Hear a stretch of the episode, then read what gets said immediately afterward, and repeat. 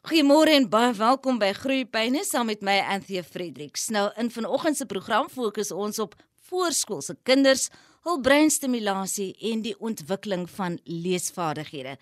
Dis 'n onderwerp waaroor ons nie genoeg kan praat nie, want leesvaardighede is die boustene vir goeie akademiese en persoonlike ontwikkeling.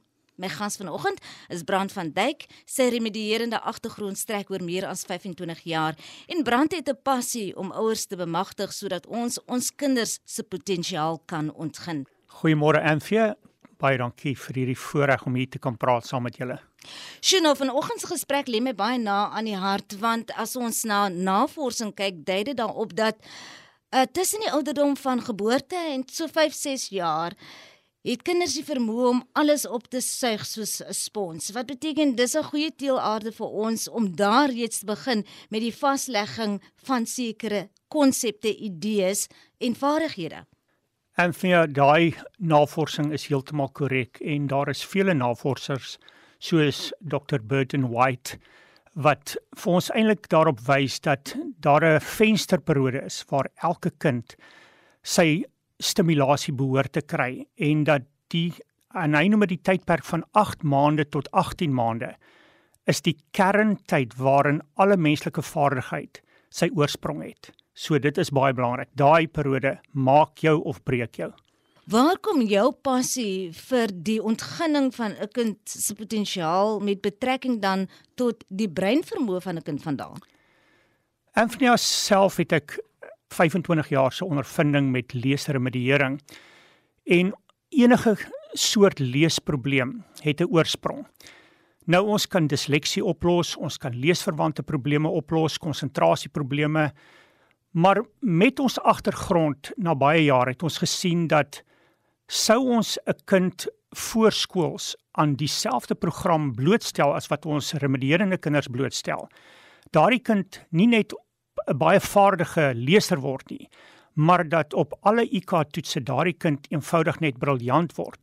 So ons het begin om kinders al hoe vroeër te sien in graad R, 5 jaar, 4 jaar. En die oomblik as ons met leesvaardigheid op daai ouderdom begin, dan word hierdie kinders die toppresteerders in die klas.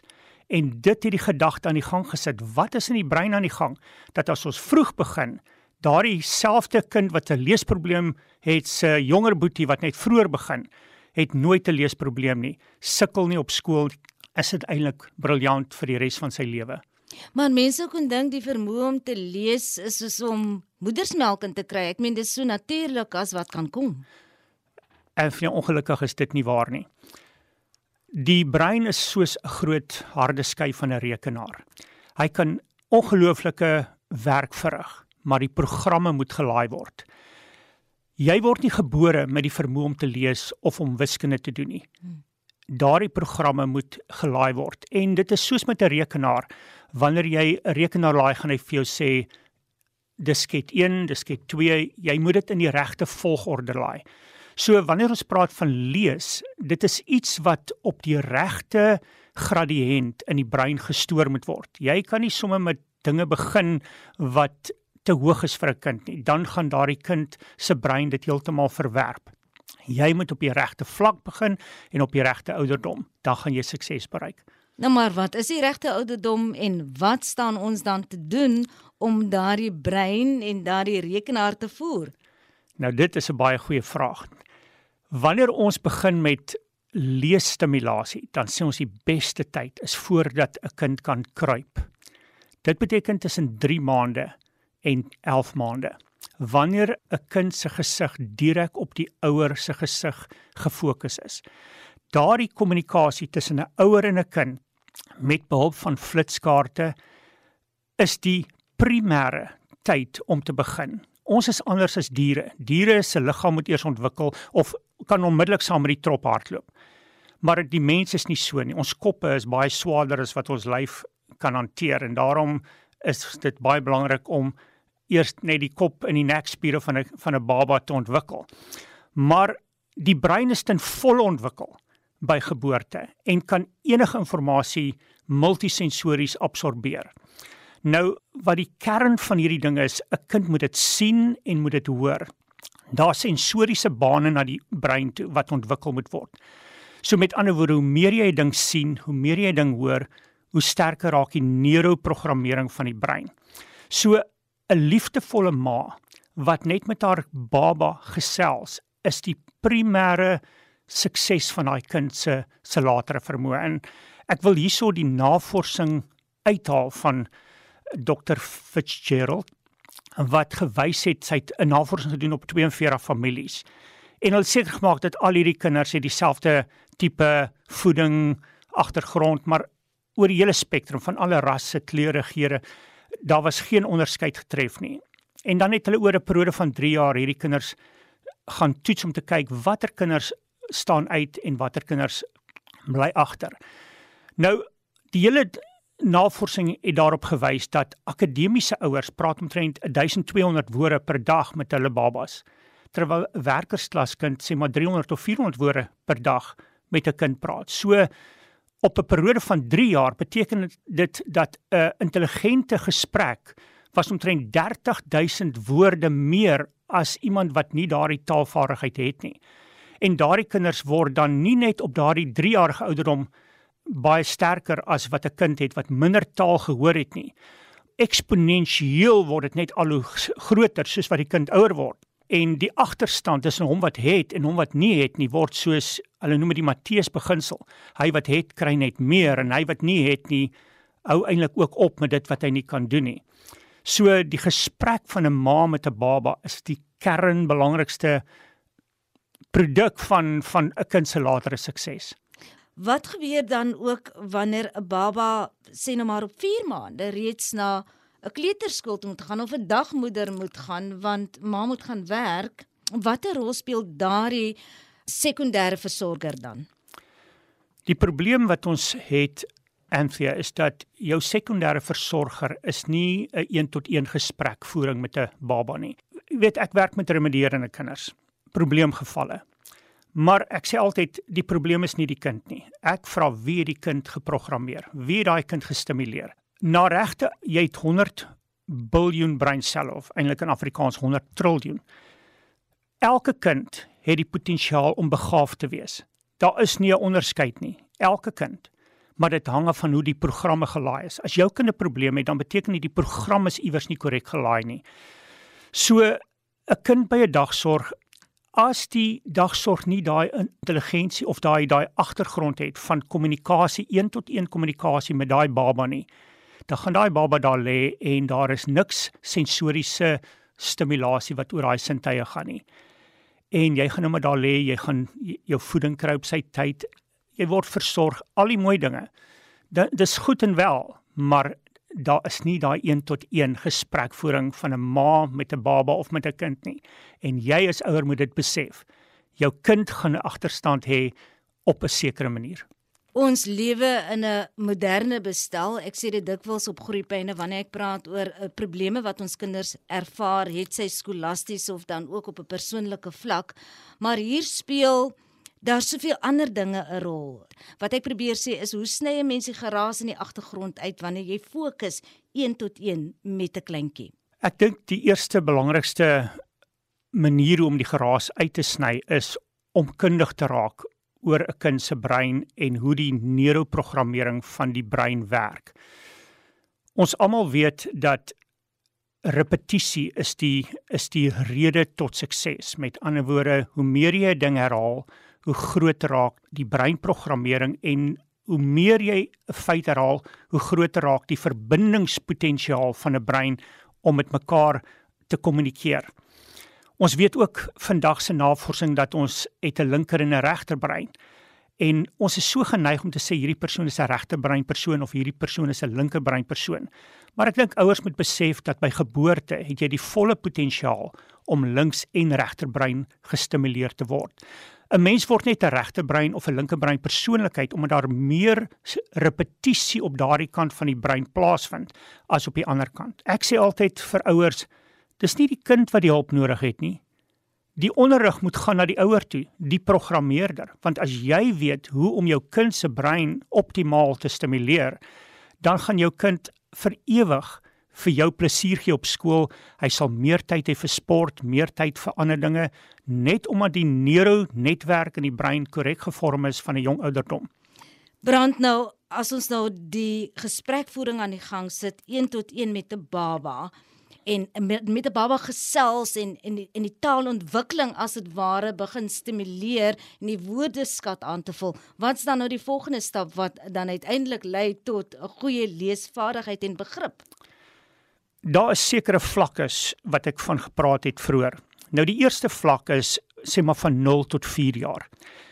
Glo ek dat die belangrikste en die maklikste manier om dit te doen en om 'n kind multisensories te stimuleer is ons maak gebruik van flitskaarte.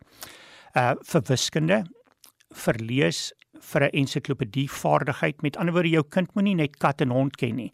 Hy moet al die katte, al die honde, al die perde ken by hulle naam. Jy gaan nie net sê hond nie, jy gaan sê Engelse patruishond of Rhodesiese rifferhond. Jy gaan nie net sê perd nie, jy gaan sê hackney perd of 'n Arabier perd. So met die ander woorde, jou jou taalgebruik moet nie net op 'n 25% waarheid geskoei wees nie. Ons praat van 100% waarheid. Tweede ding wat belangrik is, dan die volgende stapie op daardie kind se sukses is sy fonetiese vaardighede.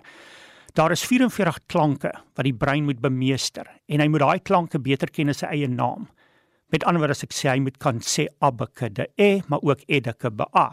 Hy moet daardie klanke so goed ken dat dit so geautomatiseer word soos wat jy motor bestuur. Daar mag nie 'n huiwering wees met die erkenning van daai klanke nie. Nou as ek so na jou luister, dink ek nou dit klink nou harde werk, brand vir 'n ouer om dit te doen.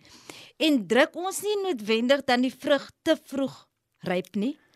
Jy weet, ek het soveel ouers dan sê die ouer vir my wat met sy vroeë kind se ontwikkeling werk dan het ek aan nou opgelei om met hierdie baba te werk en dan sê sy al vriendinne het haar uitgelag en sê vir hoorie man jou kind gaan in elk geval leer lees op skool. Brand jy sal dit nie glo nie. Weet ek het nooit 'n probleem om vir my kind te sê kom doen huiswerk nie hulle neuronetwerk is so gevorm hulle lees graag hulle doen wiskunde maklik en daardie kind het eenvoudig 'n een liefde dan vir vir lees en studeer en vir selfontwikkeling. Maar dan kom 'n ander ma, dan sal sy sê my vriendin het nou na my toe gekom en sê jong, ek moet nou my kind se sport inperk want die skool het gesê hy raak agter en hy sukkel. En nou moet ons allerhande goed sny want die groot punt wat ek wil oorbring Anthea, hy wat 'n bietjie insit voor skool, het meer tyd later vir baie ander dinge jou kind gaan dan 'n veelsidige persoon kan word.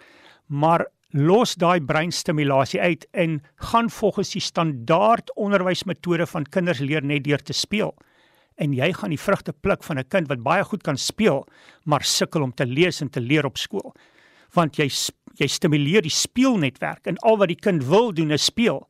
En 'n kind wat nie gestimuleerd is nie, is baie maklik aandagafleibaar het konsentrasieprobleme en dit word 'n sneeubal soos wat jy ouer word. Dit wil sê die fondasie moet vroeg gelê word. Ek dink baie ouers dink dit gaan net gebeur. Jy weet, laat 'n kind net speel, laat hom kleuterskool toe gaan 100%.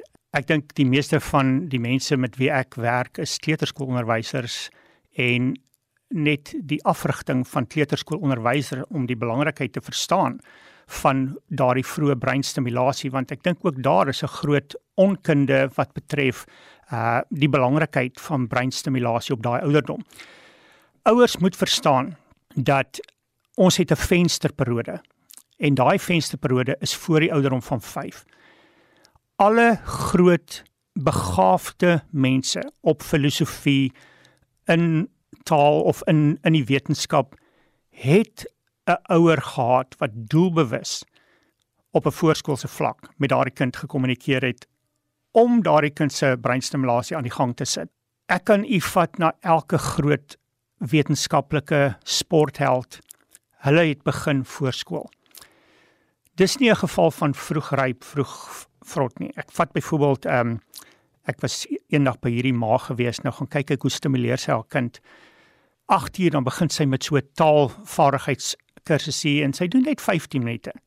Al wat jy doen, dit vat jou 15 minute 'n dag, maar jy moet daardie taal met daai baba of daai voorskoolse kind praat dieselfde woorde omtrent 3 keer 'n dag vir 7 dae. So ons moet nie baba taal met babas praat. Glad nie. Nee nee, jy sê nie 'n woef nie, dis 'n hond of hond, woef is geen waarheid. Hond is 25% waarheid, maar as jy sê Engelse patryshond, dan praat jy nou van 100% waarheid. So jy praat die waarheid, jy praat feitelik. Maar die groot probleem met ons ouers, ons is so beperk in ons eie woordeskat. Wat sê ek vir my kind? En ons gebruik dieselfde ou woordjies oor en oor. So jy as ouer sal jouself moet bemagtig om 'n wyeer en 'n groter woordeskat met jou kind te praat. As jy baie vloek, gaan jou kind vloek. Jy hoor jou kind, bedoel jy hoor jou jouself deur jou. Deur jou kind. Dit wat jy herhaal, gaan uit daai kind se mond uitkom. Nou kan jy vir my vra maar ek het twee kinders, een kind doen goed en die ander kind doen nie so goed nie. Wat is dan die rede is is ons dan nie net geneties verskillend nie? Daar sekerre redes ek vat byvoorbeeld uit 'n remedierende agtergrond. Dan kom 'n kind na my toe, die oudste kind uit 'n agterstand. Hy moet gehelp word. Dan begin ons nou met hierdie kind remediering toepas. Maar dan sit jong boetie van 5 jaar net by ma wat met hierdie kind remediering doen. Dis dieselfde huis, maar hy hoor alreeds dieselfde inligting wat Boetie op op 8 en 9 hoor as 'n remedierende geval, hoor hy op 5 jarige ouderdom. Daardie kind het nooit 'n leesprobleem vir die res van sy lewe nie, want hy hoor dit op die regte ouderdom ander gevalle weer sal die ma vir my sê, "Jesus, jy's so reg in in die kol, jy weet, met my eerste kind het ek baie gedoen." Maar toe kry ek 'n werk, toe gaan werk ek en ek het net nie dieselfde hoeveelheid taal met die tweede kind gepraat nie. En hierdie tweede kind dalk 'n probleem. So jy mag dink jy doen dieselfde met beide kinders of met al jou kinders, jy doen nie. Omdat jy nie bewustelik stimuleer nie. Jy as ouer sal moet bewustelik raak oor die belangrikheid. Jy moet 'n program hê want jy praat ons praat nie net van woorde nie. Jy begin met enkelwoorde soos byvoorbeeld wit en kat. Maar later word dit kombinasiewoorde soos wit kat. Daarna word dit kort sinne soos wit kat drink of die wit kat drink en dan word dit langer sinne soos die wit kat drink melk. So daar is stappies wat jy moet volg om daardie brein van 'n kind se taalvaardigheid aan die gang te sit. Wanneer ons praat van so 'n netwerkprogram wat jy in 'n kind se brein stoor, dan moet jy as ouer voorbereid wees voordat die kind tog arriveer. Met ander woorde, jy moet al op 3 maande gereed wees. Wat gaan jy praat in jou eerste week? Wat gaan jy praat in jou tweede week? Wat se taalfondasie gaan jy lê? Dit moet tema gerig wees. Hmm. Nou laai jy sê maar familiewoorde, dan draai laai jy huiswoorde, dan sê maar tuinwoorde en so begin dit van die bekende en jy bou dit stelselmatig op na die onbekende. Hmm. Maar daar moet 'n georganiseerde program wees. Jy is is nie net 'n ma nie. Jy moet georganiseerd wees met die koms van daai kind. Ek dink my leesagtergrond of my remedierende agtergrond maak dat ek meer fokus op lees en op taalvaardigheid want ek sien die belangrikheid van lees en taal in 'n kind se skolastiese vermoë. Maar dit beteken nie dat ek al die ander stimuleringsmedia weggooi nie. Nee, jou kind moet steeds 'n uh, 'n tasvaardigheid ontwikkel, blokkies deur gaatjies hmm. gooi, hmm. al daardie ander stimulasie wat noodwendig by 'n kleuterskool gedoen word. Ons probleem is net by die gebrekkige leesstimulasie wat kinders kry voor skool. Hmm. Asof dit verkeerd is. Asof jy 'n kind eers moet terughou van leesvaardigheid totdat hy skool toe gaan en dan moet ons eers begin met hierdie belangrike vaardigheid. Volgens my en ek dink menige navorsers op dieselfde vlak is dit 7 jaar te laat. Ons kan die tasvaardigheid saam met die lees ontwikkel van die woord begin af. En dit is wat ouers nie noodwendig hoor en die inligting van kry nie, asof dit 'n verkeerde ding gaan wees. Al die kleuterskole is regtebrein georiënteerd. Dis knippenis, plakkenis, inkleernis, verfenis, fantasiespel en al die regtebrein aktiwiteite wat jy in jou lewe van kan dink word gedoen met goeie reg, want dit is belangrik. Maar ons hou die belangrikste ding wat eintlik 'n kind se skolastiese vermoë gaan verbeter en hom op perfek gaan maak op skool, hou ons vir te laat. Ons begin heeltemal te laat met formele leesonderrig. Nou onlangs op uh, Groepyn het ek juis gesels met 'n uh, persoon wat uh, geskoei is in die akademie wat skool gehou het vir baie jare en sy het toe gepraat van die belangrikheid van 'n leesprogram veral vir kinders wat sukkel op skoolakademies. Baie navrae gekry van ouers daar buite oor waar begin ek soek na 'n goeie leesprogram? So brand, hoekom is 'n leesprogram belangrik en wat doen 'n leesprogram? Kom ons haal eers die negatiewe sy uit. 'n Kind wat nie kan lees nie en wat nie hou van lees nie. Iewers is daar 'n neuronetwerk gaping in die brein wat met die regte assessering maklik opgespoor kan word. Om die waarheid te sê, ek kan tot op die klank vir jou sê wat jou kind nog nie bemeester het nie. Dit beteken ek kan ek kan 'n woord vir jou gee en ek kan presies sien watter gedeelte van daardie woord het jy nog nie baas geraak nie. Nou die probleem kom wanneer ons kinders heelwoorde lees, leer lees in graad 1 en 2 en hulle moet sulke lyste woorde ont weet memoriseer. So nou kan jy die woord kat lees, maar jy leer hom as 'n sigwoord. Jy het hom nie as drie feite geleer nie, jy het hom as een feit geleer. So dan stoor jy die hele woord kat op die brein. Maar jy weet nie dat kat uit drie feite uit bestaan nie. Drie onafhanklike k a en t nie. Nou gaan jy nie die woord kat en kattekwaad kan lees nie want jy het hom as 'n sigwoord gelees. Jy kan hom nie uitklank nie. Jy gaan hom nou glad nie herken in die woord kattekwaad nie. Maar as jy die neuronetwerk korrek gelê het vir fonetiese klanke, dan kan jy enige woord opbreek in sy klanknetwerke en daar gaan jy en jy kan dit lees.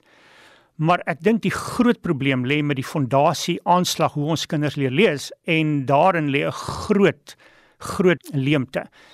Nou ek het eendag in die Time magazine gelees uh van professor Saywich wat sê dat hoe los mense 'n probleem op? Sy sê daar's twee leesmetodes. Daar's 'n klankleesmetode en daar's 'n heelwoordleesmetode.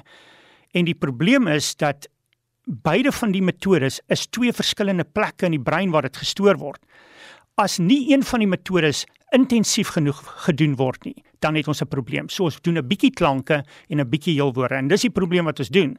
Nie een van die stelsels word intensief genoeg gedoen nie. En dit vat onsaglike repetisie om daardie netwerk aan die gang te kry. So het jou kind 'n probleem, dan moet jy dit intensiewe netwerk skep vir klanke. En dan kan jy daai probleem oplos. Maak nie saak hoe oud jy is nie. Ek dink my oudste student wat ek mee werk is 68. Wat dan nou van 'n ouer wat nie noodwendig hou ook van lees nie. Jy weet, wat kan lees maar nie noodwendig belangstel om te lees nie. En nou wil ons hê daardie ouer moet programme laai by 'n baba. Ja, dis die probleem wat ons het en ek kan dit veral in wiskunde verduidelik, net om die konsepte verduidelik wat jy nou vra. Baie ouers sê jong, maak kon nie wiskunde doen nie. Ek gaan dit nou maar los dat die skool dit doen. So hulle praat nie wiskunde met 'n kind nie. So my raad aan 'n ouer is ek gee nie om hoe jou wiskunde is nie. Maar as jy met jou kind net die basiese wiskunde kan praat van geboorte tot 5 jaar en elke dag dis 1, dit is 2. Kom ons sit hierdie 3 borde op op sy plek. Kom ons vat hierdie 5 pierings en jy praat met jou kind wiskunde dan gaan jou kind nie 'n wiskunde agterstand op skool hê nie en wiskunde sal maklik wees. Maar nou hoor die kind nooit wiskunde nie. Hy sien nooit wiskunde in aksie nie want jy is te bang om wiskunde te praat. Nou selfde geld met lees. As jy nie 'n goeie leser is nie, ek stel voor maak 'n plan. Want daar is nie so ding soos 'n kind kan nie. Om die waarheid te sê, jou kind moet 2, 3 tale al voor 6 kan praat. Enigiets daarna gaan jy nie 'n tweede of 'n derde taal vroeg so goed kan praat nie. Om die waarheid te sê, ek hoef net met iemand van 'n ander taal te praat op 4 jarige ouderdom en daai taal word ongelooflik vasgelê op op daai kind se brein. Hy gaan Xhosa, Zulu, enige taal kan praat voor 5. Maar probeer daai selfde aksie na 5 of 6 en die kind gaan basies hallo en kobai kan sê kom ek verduidelik dit so. By geboorte word elke kind gebore met 225% meer glikose toevoeging tot die brein wat maak dat daai netwerkverbindings 200 keer vinniger plaasvind as by enige volwassene se brein. Dan plat dit af en op 6 jarige ouderdom dan jy op volwasse vlak, maar jy het hierdie jy het hierdie vensterperiode van hierdie ongelooflike vloei van glikose in die brein wat hierdie neuronetwerk vir jou soveel makliker laat geskied as later in die brein. enigiets na 5 of 6 word jy 'n kultuurluisteraar. Dit beteken jou oor is ingestel vir die Afrikaanse frekwensie, maar jy kan nie 'n ander frekwensie van 'n ander taal hoor nie. Maar as jy dit voor 4 gedoen het, dan is jou oor drom ingestel vir die frekwensie van daai taal. So ek weet ouers is belangrik my huistaal, my moedertaal. Jy het net nie idee hoe kragtig is jou kind se brein nie, dis hoekom jy so sê. As jy net 'n vaagse benul het van hoe kragtig jou kind se brein het, is sal jy al 2, 3 tale voor voor die ouderdom van 5 op die brein vasgelê het. En indien mense graag met jou in verbinding wil tree, brand, ons het nog geluister en mense sê ek wil graag meer weet. Wat nou gemaak? Anthony, ek gaan my persoonlike selnommer vir jou gee. Is 082 955 7730 dit dan die einde van groeipyne. Hierdie week volgende week donderdag tussen 12:30 en 12:00 maak ons weer so. Van my kant af Anthea Fredericks mooi bly